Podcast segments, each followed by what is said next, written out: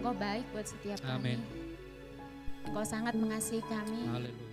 Dan kami mengucap syukur Tuhan pagi hari ini. Terima kasih. Kami boleh bersama-sama merayakan Natal Tuhan. Yes. Kami mengucap syukur Tuhan buat pertolongan-Mu. Kami mengucap syukur buat penyertaan Tuhan yang luar biasa sepanjang tahun ini Tuhan. Haleluya. Kami mengucap syukur bahwa sukacita damai sejahtera itu senantiasa ada dalam setiap Amin. kehidupan kami Tuhan. Dan biarlah firman Tuhan yang sebentar kami dengar pun boleh semakin mendatangkan kedamaian buat setiap kehidupan kami. Menguatkan setiap kehidupan kami untuk kami menjalani hari-hari kami bersama dengan Engkau. Ya, Yesus. Terima kasih Tuhan, terima kasih. Kami akan mendengarkan firman-Mu di dalam nama Tuhan Yesus Kristus. Haleluya. Amin. Amin, puji Tuhan. Silakan duduk. Selamat pagi. Selamat kita boleh kembali bertemu dalam kasih Tuhan Kristus. Bapak Ibu sudah bersuka cita pada pagi yang indah ini. Amin. Ini Natal pertama kita di sepanjang hari ini. Ada empat sesi yang harus kita lakukan karena kondisi pandemi. Biasanya kita mengadakan Natal setiap sekali jam 4 sore ya. Dan itu begitu membludak ya, banyak sekali. Dan karena pandemi kita tidak mengadakan perayaan tetapi ibadah Natal. Tetapi menjadi harapan kita semua ini tidak mengurangi semangat kita, tidak mengurangi sukacita kita. Amin.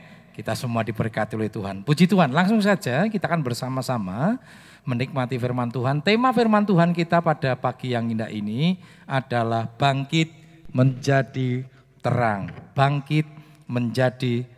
Mari kita sama-sama melihat Yesaya 60 ayat 1 hingga yang kedua. Saya undang sekali lagi, kita bangkit berdiri, kita akan membaca ayat ini bersama-sama. Ya, Yesaya 60 ayat 1 hingga yang kedua.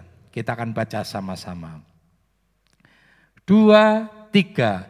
Bangkitlah menjadi teranglah, sebab terangmu datang dan kemuliaan Tuhan terbit atasmu. Sebab sesungguhnya kegelapan menutupi bumi dan kekelaman menutupi bangsa-bangsa. Tetapi terang Tuhan terbit atasmu dan kemuliaannya menjadi nyata atasmu. Puji Tuhan, silakan duduk. Bapak Saudara, ayat ini dimulai dengan kata bangkit. Berarti sebelumnya ada keadaan yang bersifat kontras. Betul Saudara ya? Kalau kita membuat satu perintah, pasti perintah itu dilakukan karena ya. Apalagi ini kata kerja Saudara ya. Karena ada satu keadaan di mana keadaan itu bersifat kontras. Berarti kalau kita bilang bangkit berarti mati atau tidur keadaan-keadaan yang terjadi. Nah saudara, saya kira percaya hari-hari ini semua mengalami satu kondisi-kondisi ya. Ketika pandemi terjadi di awal-awal Maret ya di bulan Maret. Kalau pandeminya sebenarnya eh, maaf eh, coronanya itu sudah terjadi di bulan Desember, akhir Desember, maka disebut dengan Covid. Ya, itu eh, 19 itu artinya di tahun 2019 di Cina sana kita mulai mulai masuk ya, kita mulai digemparkan, mulai dicemaskan ketika bulan Maret ya. Pertama kali ada dua orang Indonesia karena berhubungan dengan orang luar ya, sehingga dia terkena virus. Terus mulai bertambah, salah tiga masih aman ya, baru mulai satu orang karena dia dari luar negeri dan sebagainya, masih satu sudah ya. Waktu itu sampai tujuh. Saya ketemu dengan uh, seorang mantan anggota DPRD dari Kabupaten Semarang ya waktu di sini. Untuk Salatiga kota kecil kalau jumlahnya sudah mencapai tujuh. Wah itu ya sebenarnya terlalu banyak katanya. Waktu itu saudara ya. Sekarang sudah seribu lebih saudara ya. Luar biasa ya. Itu yang terjadi karena itu kita terus berdoa untuk kota kita tercinta ya. Dan jangan pernah mengendorkan untuk protokol kesehatan ya. Jadi ini memang ketat saudara ya, pemerintah ketat. Untuk mengadakan Natal ini pun kita harus lapor dulu. Lapor ke kecamatan, ya, lapor ke kecamatan, koramil dan sebagainya. Untuk kelurahan Sidomekti, kecamatan Sidomekti hanya ada tiga gereja yang diizinkan. Kita, HKBP dan satu lagi mana itu ya? Oh GPIAI saudara ya. Ya, karena itu kita bersyukur saudara. Karena itu jangan sampai kita lepas dari protokol kesehatan. Dua hari yang lalu didatangi ya waktu anak-anak latihan. Mereka cukup kaget juga sudah karena dikutuk begitu sudah ya. Dari Satpol, dari TNI, Polri dan sebagainya. Itu memang sidak. Mereka ingin mengecek ya persiapan dari gereja kita. Lalu dari satpamnya panggil saya, Pak, Om ada uh, petugas ya saya sampaikan sudah ya. Nah kita bersyukur mereka cek kita, mereka mengingatkan kita, memberikan arahan, tolong Pak Pendeta ya protokol kesehatannya siap saya bilang ya siap. Dan kita sudah berkomitmen untuk menjalankan protokol dengan baik. Ya jadi makanya kita batasi uh, menjadi empat sesi sudah ya. Ini panitia bekerja keras ya. Luar biasa selama empat sesi satu hari ini sudah ya. Mereka sebentar pulang mandi lagi balik saudara ya untuk melayani kita semua. Puji Tuhan. Nah saudara tetapi kondisi-kondisi ini seharusnya tidak membuat kita menjadi patah semangat. Tidak membuat kita menjadi loyo, tidak membuat kita menjadi uh, mengalami kondisi-kondisi yang tidak nyaman. Kenapa saudara? Firman Tuhan sudah ingatkan. Jadi kondisi hari ini, ini firman Tuhan kalau kalau enggak salah saya pernah sampaikan beberapa kali. Jadi firman Tuhan ini juga mengandung nubuatan. Yesaya 60 ini bicara tentang nubuatan nubuatan pada waktu itu, masa itu dan masa sekarang. Dikatakan tadi dikatakan bahwa kegelapan akan menutupi bumi. Kekelaman akan menutupi bangsa-bangsa. Nah saudara di hari-hari akhir ada dua keadaan. ya Ada dua keadaan, slide-nya bisa diajukan. Ada dua keadaan, yang pertama keadaan gereja Tuhan dan kerajaan dunia. ya Kerajaan gereja Tuhan dan kerajaan dunia. Nah saudara, gereja Tuhan akan dipenuhi dengan kemuliaan. Next slide-nya. Ya, gereja Tuhan akan dipenuhi dengan kemuliaan Tuhan, sementara dunia akan dipenuhi dengan kekelaman atau kehancuran. Nah ini satu keadaan yang sangat kontras ya, satu keadaan yang sangat kontras, di mana dunia sedang dibawa kepada satu kehancuran. Saya pernah sampaikan pada Bapak Saudara ya, kita ini sedang diberhadapkan pada dua arus. Dua arus yang sangat kontras, yaitu arusnya dunia dan arusnya gereja gereja Tuhan. Dunia sedang menuju kepada satu titik dan arus ini betapa kuat saudara. Titik itu disebut dengan titik kehancuran. Nah salah satunya saudara, virus ini saudara. Nanti kalau saudara membaca dalam kitab ulangan tentang kutukan, salah satunya virus. Jadi virus corona ini sudah jauh-jauh hari disampaikan oleh Tuhan. Nanti kalau kita membaca dalam kata eh, dalam dalam kitab Wahyu tentang sangkakala, nanti ada bara, ada sampar yang akan dilepaskan oleh Tuhan di hari-hari akhir. Ini bicara tentang penyakit-penyakit. Kita dikagetkan ya, Covid ini belum belum tuntas diselesaikan Saudara, belum selesai diselesaikan, vaksinnya belum disuntikan Saudara. Sudah muncul varian baru. Mutasi. Jadi virus COVID-19 mengalami mutasi dan itu dialami di Inggris. Ya, sudah kemarin saya membaca di Afrika sudah mulai kena. Makanya Inggris di lock saudara ya, mereka tidak beberapa daerah tidak uh, beberapa negara tidak menerima Inggris. Ya, uh, variannya ini, mutannya ini mempercepat. Ya, kalau uh, kalau yang sekarang ini melalui droplet dan sebagainya, tetapi varian ini, mutan ini mengalami percepatan yang luar biasa untuk penularan. Nah saudara ya, iki urung saudara ya, covidnya aja kita belum bisa tuntas, belum bisa diselesaikan. Andai kata kita sudah divaksin pun tetap harus menjalankan protokol kesehatan. Bukan berarti baru divaksin, wah bebas meneh saudara, lalu apa eh, tanda pangping di tengah-tengah kursi saudara akan dilepas? Enggak saudara. Saya enggak kita enggak tahu sampai kapan kondisi ini harus harus dijalankan saudara. Tapi enggak apa-apa saudara. Kita tidak boleh kehilangan semangat. Amin. Karena di pihak yang lain firman Tuhan katakan gereja Tuhan itu sedang menuju kepada satu titik yaitu titik kemuliaan. Jadi jangan takut saudara. Ya, dunia memang sedang dihancurkan dan itu firman Tuhan dan itu nanti kan berakhir yang disebut dengan akhir zaman. Tetapi jangan takut, gereja Tuhan akan diselamatkan. Sebelum masa antikris kita akan diangkat saudara. Kita akan bersama-sama dengan Tuhan dalam kemuliaan Tuhan. Karena itu inilah waktunya kita. Kapan ditentukan kita masuk gereja Tuhan atau dunia? Nah saya nggak tahu sudah, sudah ada di berada, di, berada di posisi mana. Apakah saudara masuk dalam arus gereja Tuhan atau arusnya dunia? Kalau dunia sedang dihancurkan. Hancur itu artinya secara fisik, secara moral, secara mental dunia sedang dihancurkan. Tetapi gereja Tuhan akan terus mau dibawa menuju pada kemuliaan. Amin. Amin. Karena itu tetap bertahan saudara. Walaupun harus menghadapi berbagai macam persoalan hidup tekanan. Bertahan. Jangan sampai kita ini menjadi serupa dengan dunia. Roma 12 ayat 2. Ya, hendak janganlah hendaklah kamu serupa dengan dunia ini yang dibawa kepada titik kehancuran. Saudara, orang percaya harus tetap bangkit di tengah kondisi dunia yang semakin kelam. Efesus 5 ayat 14 hingga 16. Efesus 5 ayat 14 sampai 16. Itulah sebabnya dikatakan, bangunlah hai kamu yang tidur dan bangkitlah dari antara orang mati dan Kristus akan bercahaya atas kamu. Karena itu, perhatikanlah dengan seksama bagaimana kamu hidup. Janganlah seperti orang bebal, tetapi seperti orang arif dan pergunakanlah waktu yang ada karena hari-hari ini adalah jahat. Perhatikan saudara, firman Tuhan mengingatkan bangkit.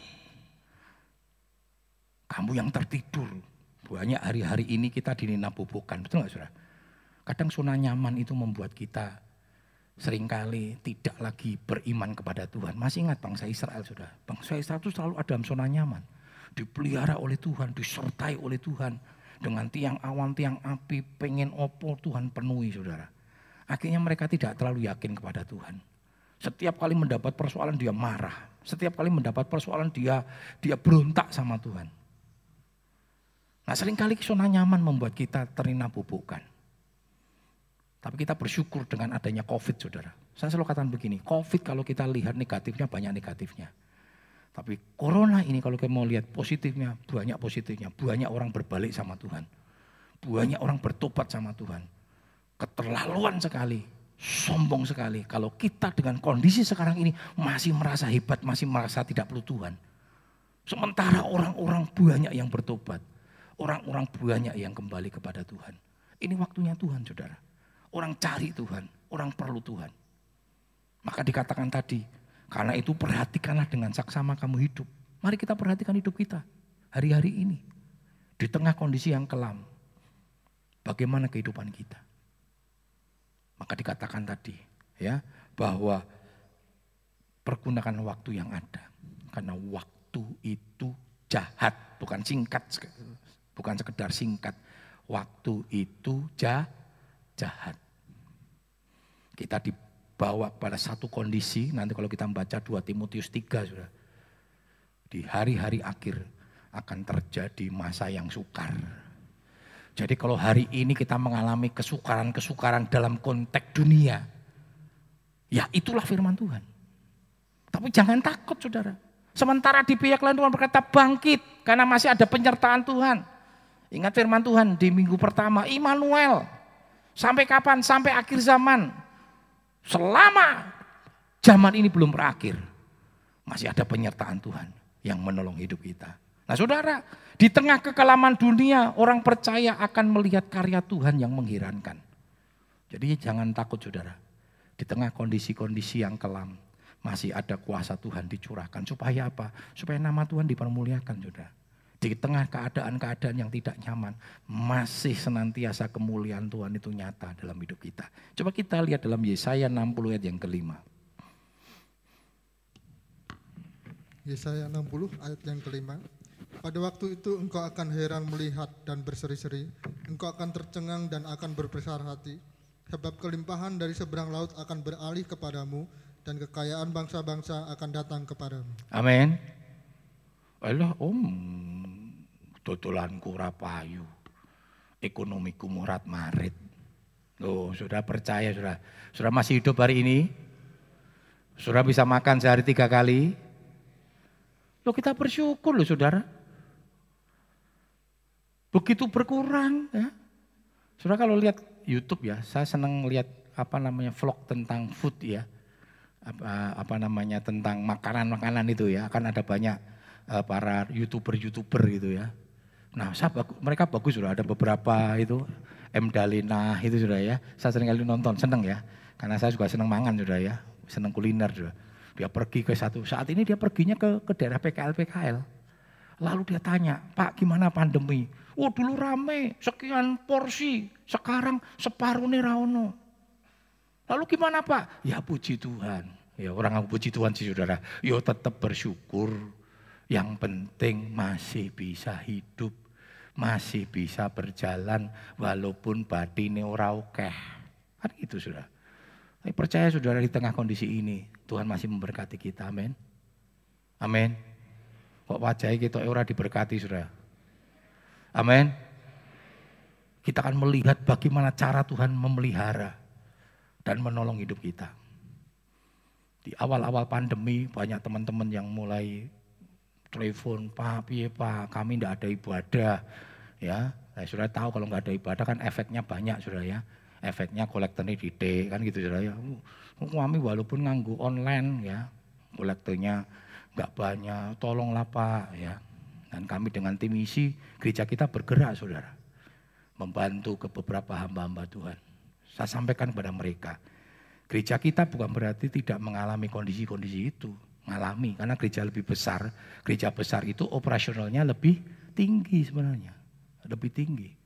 Tetapi saya katakan pada tim, saya katakan pada mereka, ya kita istilahnya masih punya sedikit berkat yang bisa kita bagikan. Dan percaya sudah, di tengah kondisi itu kita tetap bisa bertahan, amin. Amin. Sempat beberapa waktu yang lalu bagian keuangan berkata, Om, iki tagihannya PDAM banyak banget ya Om. Ya saya pikir tuh kenapa banyak? Oh iya saudara ya, oh iya saya bilang. Alah setiap jemaat harus cuci ya, saya bilang cuci tangan gitu ya. Kita masih bersyukur ya pakai yang portable saudara ya. Coba nih orang yang portable. Orang kalau cuci saudara pernah lihat orang cuci saudara? Pertama keran dibuka, betul gak saudara ya? lalu pakai sabun. Kerannya ditutup enggak sudah? Oh, ramandreng terus ya itu yang di sebelah sana sudah ya. Sebelah sana kan begitu dibuka kan mus manteng ngecore nanti baru cuci tangan itu enggak sudah kalau kalau portable kan enggak nginjek sih cet. Ya itu rodok lumayan loh sudah rodok pengiritan. Walaupun beli ini larang sudah ya. Belinya mahal. Pertama kali beli belum ada yang punya di salah tiga sudah ya belum ada yang punya. Waktu saya dengar teman ada yang uh, apa uh, ada yang menawarkan itu saya bilang oh bagus juga ya. Ya kita beli sudah Wis pokoknya semua dilakukan untuk Tuhan. Amin.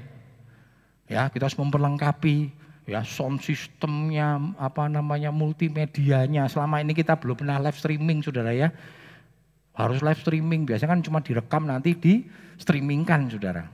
Tapi puji Tuhan sampai hari ini kita masih tetap berjalan. Saya mendengarkan beberapa informasi-informasi beberapa gereja-gereja besar. Wah mereka sudah mulai kesulitan saudara. Tapi bagi gereja yang mempermuliakan Tuhan, dia akan tercengang-cengang melihat karya Tuhan yang ajaib. Terlebih dari itu banyak jiwa-jiwa yang akan Tuhan kerjakan bagi hidup kita. Amin. Demikian juga dengan kehidupan kita semua masing-masing, saudara. Karya Tuhan akan dinyatakan. Saudara, di tengah kekelaman dunia, orang percaya akan menerima berkat Tuhan. Jadi di tengah kekelaman, di tengah kondisi-kondisi yang tidak nyaman, inilah waktunya Tuhan karena ini kita berada di hari-hari akhir. Tetapi jangan takut saudara, berkat Tuhan akan tetap dicurahkan dalam hidup kita. Yesaya 60 ayat yang ke-6. Yesaya 60 ayat yang ke-6. Sejumlah besar unta akan menutupi daerahmu, unta-unta muda dari Midian dan Eva. Mereka semua akan datang dari Sheba, akan membawa emas dan kemenyan serta memberitakan perbuatan masyur Tuhan. Perhatikan saudara, di tengah kondisi kekelaman, tapi Tuhan kirimkan berkat saudara. Berkat yang melimpah dalam hidup kita. Ya, berkat yang melimpah dalam hidup kita. Karena itu kita bersyukur dengan menghadapi kondisi-kondisi hari ini. Syukuri dan tetap bertahan. Jangan kita kehilangan pengharapan kepada Tuhan. Jangan pernah kita kehilangan ya bahwa Tuhan itu memberkati hidup kita. Bahkan janjinya saudara, Tuhan itu akan mencurahkan berkatnya dari tingkap-tingkap langit. Coba kita lihat dalam Maliaki 3 ayat 10 hingga 12. Maliaki 3 ayat 10 hingga 12. Maliaki 3 ayat 10 sampai yang ke-12. Bawalah seluruh persembahan persepuluhan itu ke dalam rumah perbendaharaan, supaya ada persediaan makanan di rumahku, dan ujilah aku firman Tuhan semesta alam. Apakah aku tidak membukakan bagimu tingkap-tingkap langit dan mencurahkan berkat kepadamu sampai berkelimpahan? Aku akan menghardik bagimu belalang-belalang pelahap supaya jangan dihabisinya hasil tanahmu dan supaya jangan pohon anggur di padang tidak berbuah bagimu, firman Tuhan semesta alam. Maka segala bangsa akan menyebut kamu berbahagia, sebab kamu ini akan menjadi negeri kesukaan, firman Tuhan semesta alam. Perhatikan saudara, ini janji Tuhan. Orang percaya itu akan diberkati, bahkan tingkap-tingkapnya langit akan dibukakan. Sampai Tuhan katakan gini, ujilah aku. Ujilah aku. Saya sedang tidak bicara tentang perpuluhannya saja, sudah. Kalau saya bicara orang percaya, orang percaya tahu mengembalikan apa jadi milik Tuhan. Amin. Saya tidak tekankan perpuluhannya. Nek mau perpuluhan tok tapi sudah tidak itu sebagai orang percaya podoai. Itu seperti orang Israel yang rajin mengembalikan milik Tuhan tapi Tuhan jijik. Aku muak dengan persembahanmu. Saudara mengembalikan perpuluhan karena sudah percaya pada Tuhan. Karena sudah cinta Tuhan. Bukan karena kewajiban. Kalau kewajiban beban saudara. Betul? Beban. Waduh kudu kali persepuluhan itu Hans. 100 persen kurang apa meneh 90 persen kan gitu saudara. Tapi kalau engkau sebagai orang percaya saudara, engkau terlalu yakin bahwa berkat itu datangnya dari Tuhan. Jadi saya tekankan di sini bukan masalah perpuluhannya, tetapi hiduplah sebagai orang percaya. Orang percaya pasti mengembalikan perpuluhan saudara. Dan ketika engkau hidup sebagai orang percaya yang berpaut kepada Tuhan, maka firman Tuhan kata dia akan mencurahkan tingkap-tingkap eh, berkatnya itu dari tingkap-tingkap langit. Sampai Tuhan ngomong, uji, uji aku kalau nggak percaya. Uji ini bukan nggak lagi perpuluhan ini loh sudah. Makanya sudah ngomong, lu Tuhan aku nggak balik ke perpuluhan kok. Ternyata Tuhan nggak berkati aku. Nanti dulu. Maksud di sini perpuluhan itu adalah orang yang percaya kepada Tuhan. Bukan hanya perpuluhannya saja, tapi seluruh aspek hidupnya. Dia betul-betul hidup berkenan di hadapan Tuhan. Maka Tuhan katakan ujinan, ujilah aku. Bahkan firman Tuhan ngomong belalang pelahap. Ini kan bicara penghambat-penghambat berkat saudara akan dilalukan oleh Tuhan. Dikatakan engkau akan menyebut berbahagia. Makanya cukup ramai beberapa waktu yang lalu ya, ada hamba Tuhan cukup terkenal di Indonesia sudah yang ngomong itu orang-orang pantai Kosta itu sesat katanya. Pendeta-pendetanya sesat. Ngajari perpuluhan. Sesat katanya. Waduh, Luar biasa saudara ya. Tapi akhirnya dibalas oleh hamba Tuhan, eh, bukan hamba Tuhan saudara, dibalas oleh jemaat-jemaat. Dia katakan begini, kami tahu mengembalikan milik Tuhan dan kami tidak pernah berkekurangan. Kami malah diberkati. Saudara tahu Unilever? Itu perusahaan maha, maha, maha raksasa saudara. Besar sekali. Kenapa dia diberkati luar biasa? Ketika saya melihat di uh, apa namanya di bukunya saudara. Ternyata dia mengembalikan kepada Tuhan 90 persen. Luar biasa ya. Wah, Etienne ini 90 persen, 10 persen nih ya. Mungkin wah itu kalau jadi jemaat kita sudah ya Unilever merasa 90 persen lah, 10 persen itu iya sudah. Nah, ini sing pikirannya elek, ya kan? Waktu ngomong begini ada teman pendeta ngomong gini, coba wih tadi jemaat kita yo, merasa 190 persen, 10 persennya, wah luar biasa. Makanya saya bilang gini, makanya dia tidak dijadikan jemaatmu, karena pikiran kita wis duit. Pada semuanya itu harus dikembalikan untuk kemuliaan Tuhan, amin. Saudara, tetap ada berkat bagi orang yang percaya kepada Tuhan. Di tengah kekelaman, di tengah kondisi yang sulit, anak-anak Tuhan masih diberkati. Amin. Amin. Dengan sukacita katakan amin karena ini iman kita. Amin. Percaya sudah, jangan takut. Ya, di tengah kekelaman dunia orang percaya akan menjadi berkat rohani. Ini yang paling penting. Sudah. Di tengah kekelaman kita harus tetap menjadi berkat. Berkat rohani tentang keselamatan. Coba kita lihat di dalam Yesaya 67. Ini yang paling penting saudara. Yesaya 60 ayat yang ketujuh. Segala kambing domba kedar akan berhimpun kepadamu, domba-domba jantan nebayot akan tersedia untuk ibadahmu. Semuanya akan dipersembahkan di atas mesbahku sebagai korban yang berkenan kepadaku, dan aku akan menyemarakkan rumah keagunganku. Iya sudah. Kedar nebayot ini keturunan Ismail. Sudah tahu kalau saya bicara bicara tentang keturunan Ismail sudah. Dikatakan mereka datang membawa persembahan kepada Tuhan. Di hari akhir akan terjadi pertobatan besar, saudara. Kenapa? Mereka tidak terlalu sulit, saudara. Mereka agama samawi. Ada tiga agama samawi di dunia ini. Agama samawi itu artinya agama yang datang dari langsung dari Tuhan, yaitu agama yang pertama adalah agama Yahudi, ya. Yang kedua adalah agama Kristen, yang ketiga adalah agama Muslim. Mereka punya sejarah yang sama, sudah betul? Muslim sama Islam punya sejarah yang sama. Ya, mereka juga mengakui Nabi Isa. Tetapi nabi yang terakhir adalah Muhammad, Saudara. Dan mereka punya cerita yang sama, Saudara, dengan kita. Ya, tidak ada bedanya. Yang menjadi kekhawatiran kita, Saudara. Firman Tuhan katakan apa, Saudara? Itu yang menjadi kekhawatiran saya. Ketika firman Tuhan berkata, yang terdahulu menjadi yang terkemudian. Dan yang terkemudian menjadi yang terdahulu. Saudara lihat mereka, semangat mereka untuk ber dakwah. Semangat mereka untuk memberitakan Injil kalau kita saudara. Luar biasa.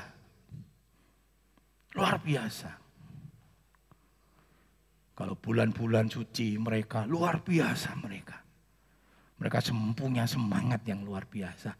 Ketika terlalu mudah Tuhan balikkan saudara. Kita ini kadang jadi orang Kristen, orang Kristen, orang tenanan. Orang Kristen asal-asalan yang penting neng gereja tidak punya semangat untuk memberitakan Injil. Tapi mereka luar biasa, saudara. Begitu dibalik, saudara. Kita yang terdahulu menjadi terkemudian. Saat ini kan orang baru ramai, saudara ya. Itu kalau dibalik sama Tuhan seperti Paulus. Bayangin, saudara. Kita melungu, kita ketinggalan Firman Tuhan katakan apa? Banyak yang dipanggil, sedikit yang dipilih. Inilah waktunya kita. Jangan sampai kita mengendorkan semangat kita untuk memberitakan Injil. Mungkin kita nggak berani memberitakan Injil melalui perkataan. Ketemu orang, eh percaya Yesus yo, engkau selamat. Mungkin kita nggak berani, oke. Okay. Nggak usah kita mungkin penginjilan dalam arti verbal perkataan. Menginjilah melalui kehidupanmu, amin. Menginjilah melalui perilaku hidupmu. Sehingga ketika orang melihat hidupmu, mereka melihat kemuliaan Tuhan. Dan mereka akan memuliakan nama Tuhan karena kehidupan kita. Coba kita lihat di dalam Matius 5:16. Terang orang percaya akan membawa keselamatan. Matius 5 ayat yang 16. Demikianlah hendaknya terangmu bercahaya di depan orang, supaya mereka melihat perbuatanmu yang baik dan memuliakan Bapamu yang di surga. Perhatikan saudara. Hendaklah terangmu bercahaya di depan ya semua orang. Supaya mereka melihat perbuatanmu. Arti melihat ini bukan kita mempertontonkan saudara. Tetapi mereka melihat perbuatan kita yang baik itu bukan karena kita sedang ingin mempertontonkan, karena memang hakikat kita memang sesungguhnya kita memang baik, karena hidup kita setara, seturut dengan kehendak Tuhan. Makanya Filipi katakan, hendaklah hidupmu dalam hidupmu bersama, menaruh pikiran dan perasaan yang terdapat dalam Yesus Kristus. Itu yang menjadi doa saya setiap pagi. Itu yang menjadi visi gereja kita. Berakar, bertumbuh, berbuah, menuju kedewasaan di dalam Yesus Kristus. Ketika hidupmu sama seperti Yesus yang cuma tiga setengah tahun ada di dalam dunia dalam pelayanannya maksudnya. Tapi berkatnya dahsyat. Sampai Alkitab mencatat saudara. Kalau coba ditulis, oh enggak cukup saudara. Almarhum Bapak Awon Datu berkata, andai kata semua laut adalah tinta. Andai kata semua langit adalah kertas. Dan semua orang adalah pujangga akan menulis kisah Tuhan. Tidak cukup dikatakan. Laut kering. Langit tidak cukup. Menceritakan tentang kebaikan Tuhan dalam hidup kita. Mari kita saksikan. Mungkin kita nggak bisa ngomong. Kita nggak pandai bersaksi. Tapi terlalu banyak. Karena perilaku hidup kita. Karena cara hidup kita. Orang bertobat saudara. Orang bertobat tapi juga tidak sedikit melalui perilaku kita, melalui kehidupan kita. Banyak orang murtad. Berapa banyak? Wong Kristen kok begitu. Apalagi pendeta, apalagi hamba Tuhan. Selalu saya katakan saudara. Baik kepada staf, pada teman-teman hamba Tuhan. Maka firman Tuhan katakan awasilah ajaranmu. Maka firman Tuhan katakan apa? Nanti siapa yang dihakimi pertama kali? Bait Allah saudara. Itu bicara hamba-hamba Tuhan. Kenapa saudara? Kalau jemaat jatuh dalam dosa, dia hanya bertanggung jawab untuk dirinya sendiri saudara. Tapi kalau ada hamba Tuhan jatuh dalam dosa, apalagi dia pimpinan besar, saudara. Berapa banyak di Amerika goncang orang Kristen karena ada tokoh hamba Tuhan ber, meninggalkan Tuhan. Kalau hamba Tuhan jatuh dalam dosa, dia bertanggung jawab pada dua hal. Yang pertama dirinya, yang kedua umat. Ada salah satu tokoh GPDI cukup besar, saudara. Dia terkenal. Dia bapak rohani, saya cukup dikagetkan. Ketika dia mulai tinggalkan pekerjaan Tuhan. Dia menyatakan mundur ya kepada jemaatnya, saya mundur. Saya tidak lagi jadi hamba Tuhan. Bahkan dia berbalik iman. Hanya karena dia bertemu dengan wanita. Goncang, saudara. Goncang. Tapi saudara jangan diguncangkan oleh hal-hal seperti itu. Amin. Pandang Tuhan saudara. Saya nggak bisa berkata begini. Nggak usah pandang hidup saya saudara, pandang Tuhan. Oh enggak. Saya sebagai hamba Tuhan harus jaga hidup saya. Karena saya tahu setiap umat, setiap jemaat itu selalu memperhatikan pimpinan rohaninya, gembalanya. Karena itu selalu saya katakan dengan tulus, doakan kami. Doakan saya khususnya sebagai hamba, saya sebagai gembala, sebagai hamba Tuhan. Supaya Tuhan tetap tolong, supaya saya tetap memancarkan terang itu. Sehingga nama Tuhan dipermuliakan. Saya menjadi lemah kalau tanpa kekuatan doa saudara. Dan kita saling mendoakan. Saya setiap hari mendoakan jemaat. Dan saya berdoa berharap jemaat mendoakan saya. Supaya kita tetap jadi terang di tengah kegelapan dunia ini. Amin. Keadaan ini memang sudah dinubuatkan oleh Tuhan. Dunia sedang berada dalam kegelaman, kegelapan. Tapi jangan takut. Ada terang kemuliaan Tuhan akan terus terpancar. Dan itu pancarkan terang kemuliaan Tuhan. Pancarkan terang kemuliaan Tuhan. Sehingga nama Tuhan dipermuliakan. Bangkit. Jangan tertidur. Bangkit. Kalau engkau masih punya beban untuk keluargamu, untuk suamimu, untuk istrimu, untuk orang tuamu, untuk anak-anakmu jadi berkat, jadi teladan. Sehingga melalui kehidupanmu, nama Tuhan dipermuliakan. Nama Tuhan diagungkan. Mari kita berdoa. Terima kasih Tuhan. Kami bersyukur berita Natal pada pagi yang indah ini. Kami harus bangkit menjadi terang. Walaupun sekitar kami dunia dalam kegelapan. Dan ini merupakan nubuatan yang Tuhan sudah sampaikan apa yang kami hadapi hari-hari ini. Ini adalah firman Tuhan yang sudah Tuhan perdengarkan bagi kami. Mengingatkan kepada kami bahwa di hari-hari akhir dunia akan dibawa kepada kekelaman. Tetapi sementara itu gereja Tuhan akan dibawa kepada kemuliaan. Tuhan, biarlah kami boleh menjadi berkat bagi kemuliaan-Mu.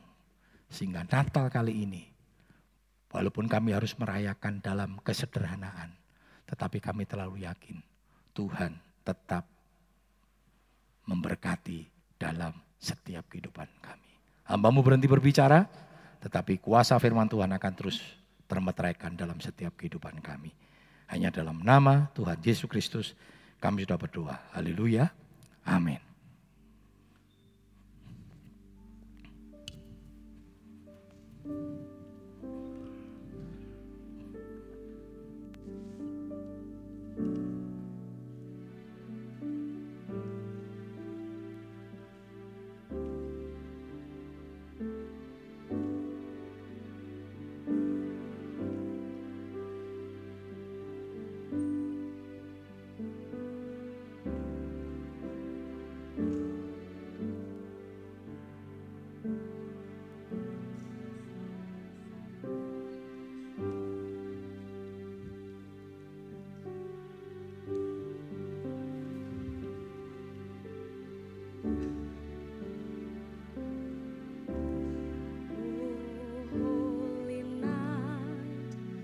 The stars are brightly shining.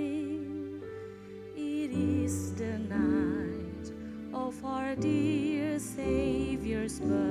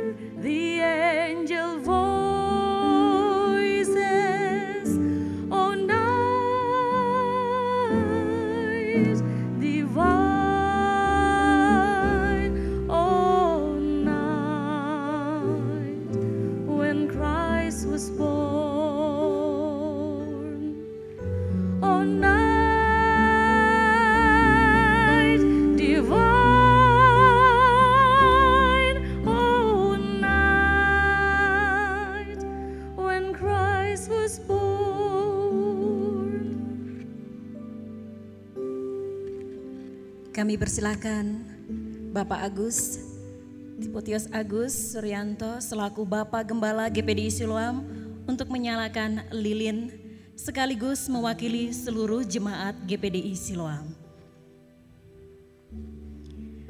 Bangkitlah dan jadilah terang, sebab sesungguhnya kegelapan yang telah menutupi bumi dan kekelaman yang telah menutupi bangsa-bangsa, tetapi terang Tuhan telah terbit atasmu, dan kemuliaannya menjadi nyata atasmu.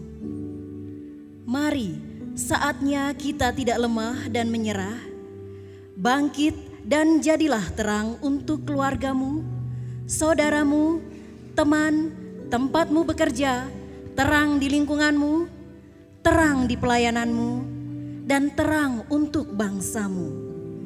Nyanyikan senantiasa dengan penuh ucapan syukur, pujilah namanya selalu. Saya mengundang seluruh jemaat Tuhan, kita sama-sama menyanyikan pujian ini. Malam kudus di langit bertaburan, bintang kemilau, terang gemerlap. Malam kudus di langit bertaburan, bintang kemilau, terang gemerlap. Terpancar kini sinar pengharapan Janji yang dinantikan sekarang genap Dan bangsa yang lelah beroleh harap Melihat fajar kini mereka Mari sujud. Dengar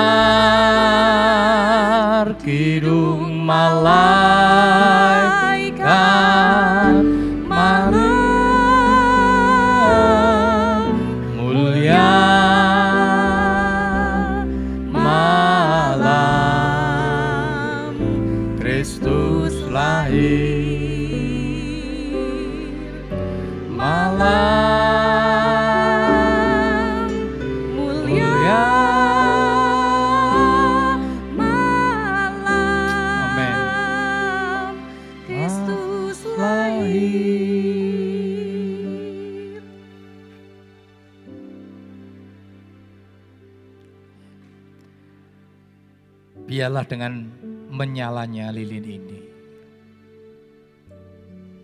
menjadi terang bagi kami untuk kami memasuki tahun 2021.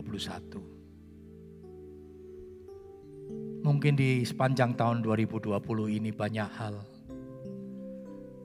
yang menyebabkan kami menjadi lemah. Bahkan kami menjadi loyo. Karena melihat keadaan kami harus menghadapi situasi yang tidak mudah. Bukan hanya kami tetapi seluruh dunia menghadapi hal yang sama.